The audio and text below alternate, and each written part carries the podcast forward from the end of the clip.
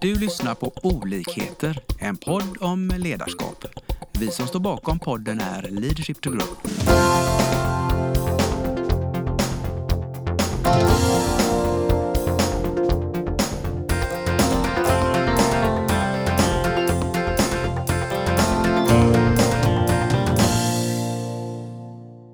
Välkommen till eh, dagens avsnitt. Eh, vi som ska samtala idag är Mats och Lena från Leadership to Grow. Eh, och vårt lilla tema idag är kommunikation. Mats, en av de viktigaste sakerna när vi pratar mycket med våra kunder är ju i ledarskapet då, är ju kommunikation.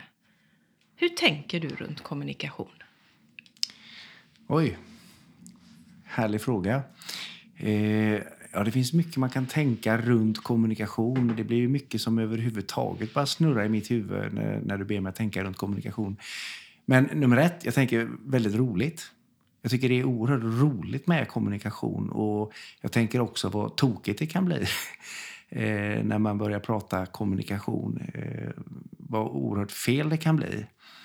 Ehm, och att kommunikation ganska ofta blir någon form av envägskommunikation istället för att det snurrar tillbaka och blir 360 grader. Att det blir liksom en dialog.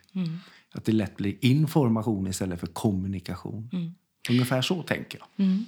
Eh, många gånger så hör man ju också eh, när våra kunder säger men jag måste träna på kommunikation och jag tror jag måste gå och anmäla mig till en kurs i retorik.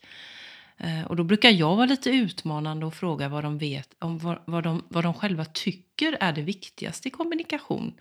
Och för mig handlar det ju väldigt mycket om öronen. Mm. Jag kan bli hur duktig som helst på att kommunicera och min retorik. Men om jag inte lyssnar in den andra partens referensramar så kommer vi aldrig mötas i kommunikationen i alla fall. Hur tänker du där? Ja, men jag tänker att det du säger där, det blir huvudet på spiken. Eh, retorik, absolut, jätteviktigt. Men det handlar ju om att få fram sitt budskap. Men jag tänker att det inte riktigt det som är kommunikation. Utan kommunikation är ju 360 grader. Eh, att jag i vår kommunikation lyckas ställa kloka frågor till dig för att ärligt försöka förstå vad är det du vill? Vad ligger dina utmaningar eller vad ligger dina potentialer? Vad är det du ser framför dig? Och att jag med den förståelsen sen eventuellt kan ställa en följdfråga och att vi på så sätt får igång ett, ett bra utvecklande samtal som leder framåt. Så ungefär tänker jag. Mm. Och, och hur, när du jobbar med, med dina kunder eller dina eh, personer runt om dig. Hur, hur kan de träna på det här? Det kan de absolut och det, det är ju någonting som vi ganska ofta landar i. Eh, I min roll som ledarutvecklare, så precis som det låter så handlar det om att utvecklas som ledare och det är ju det jag hjälper till med. Och där blir ju kommunikationen, som du inledningsvis sa, blir ett oerhört viktigt verktyg. Eh, För där gäller det att få igång kommunikationen med dem man leder, både som individer eller en ledningsgrupp eller en projektgrupp eller vad det nu är. Ehm, och ett, ett relativt enkelt och strukturerat sätt att träna det är att använda en modell eh, som vi i Leadership to Grow använder kontinuerligt, avskalat, enkelt eh, och lätt att ta till sig. Eh, vi pratar om empatitriangeln. Och tänker man sig en triangel med tre hörn, så det första hörnet man möter, där står det fråga. Det andra hörnet, där står det lyssna. Och på det tredje står det förstå. Och i mitten på den triangeln så står det empati. För om du ska kunna använda dig av empati så behöver du förstå den andra personen eller gruppens verkliga behov. Inte ditt behov. inte det som du vill förmedla och predika. För det är inte säkert att det är det som passar den andra personen. Med andra ord den du ska leda. Eh, så konsten av att kunna ställa kloka, eh, nyfikna frågor eh, gärna öppna frågor som, som eh, inspirerar till ett resonemang. Eh, istället för stängda frågor som i princip bara kan besvaras av ett ja eller nej. Mm. Och sen då att lyckas alltså träna på att lyssna för den andra personens skull och att ställa följdfrågor baserat på det som den andra personen säger. Alltså inte min erfarenhet av det som den andra personen säger utan eh, följdfrågor baserat på det jag just hört som utvecklar den andra personen att tänka ännu djupare och längre i sitt eget resonemang. För då brukar det oftast leda till ja, men, fantastiskt fokus. Mm. Och då har jag landat ner i det tredje hörnet. Jag har fått en förståelse för den andra personens verkliga behov eller utmaning eller eh, möjlighet, vad det nu är. Och då kan jag använda empati. Mm jag kan kärleksfullt utmana den personen att ta nästa steg. Alltså inte ta på mig lösningen själv utan få den andra personen att ta nästa steg baserat på det jag har förstått. Mm. Du, jag blir ju nyfiken då, för du säger ju att eh, vi tränar ju eh, eh, våra kunder i att utvecklas som ledare. Hur skulle ett sånt delmål se ut för någon kund för att gå hem och träna på det här då? Ja. Man skulle ju kunna börja vid första hörnet. Mm. Att öva sig på att ställa öppna frågor. Jättenyttigt. Eventuellt få någon att ge feedback på huruvida man ställer öppna eller stängda frågor. Eh, du ser lite hängig ut. Är du förkyld? Stängd fråga. Du ser lite hängig ut. Hur mår du? Nu har vi öppnat upp för ett resonemang jättebra att träna på och lätt att ge feedback på. Mm. Ett annat träningsexempel det kan ju vara att ta sig till nästa steg då på den här triangeln. Lyssnandet. Att faktiskt ställa följdfrågor. För om jag inte lyssnar, då kan jag inte ställa en följdfråga. Så att eh, då är man ju inne på, på lyssnandet. Och det är också eh, lätt att träna på och lätt att följa upp och ge feedback på huruvida man ställer följdfrågor baserat på det man har hört in. Så det är ju två exempel. Mm.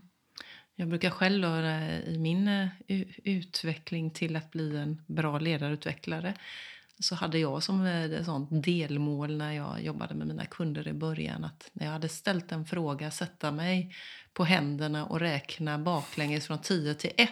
Ja. För att det är också viktigt när man ställer en fråga, tycker jag då, att ge den andra personen utrymme att få reflektera innan mm. den kommer med något svar. Mm. Vi, vi är ju i vårt liv så stressade och tror att vi ska liksom komma med de där checka svaren direkt.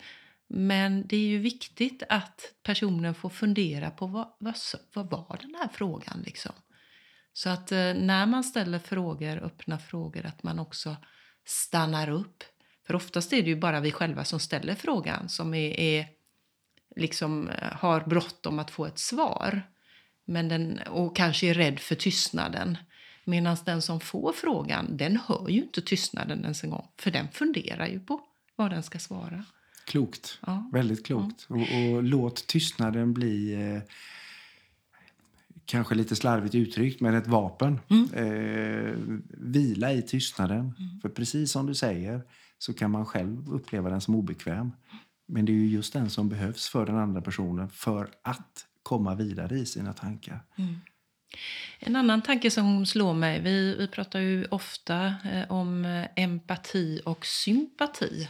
Vad är skillnaden där? Och möter du på kunder ibland som har svårt att skilja på de här sakerna?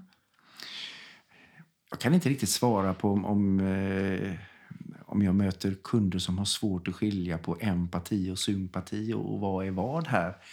Men det, det som jag kan uppleva som någonting som händer när man pratar om detta. Det, det är att många förknippar empati och sympati med medlidande. Mm. Och i alla fall i min värld så har medlidande ingenting med det här att göra. Så att om, om, om jag lyckas ställa kloka frågor till dig och jag tar mig tid att lyssna och jag till slut förstår att du, du har ju en kraftig förkylning. Att jag inte börjar utveckla någon form av medlidande här. Utan att jag med, med förståelsen faktiskt hjälper dig att ta nästa steg i den här förkylningen. Att jag då eh, nej men inte tar över ditt problem. Mm. Utan lyckas ställa då frågan vad, vad är det du behöver göra för att ta nästa steg här. Jag, skulle behöva Ipren. Jaha. Så hur, hur, hur tar du det vidare i att få tag på Ipren? Mm.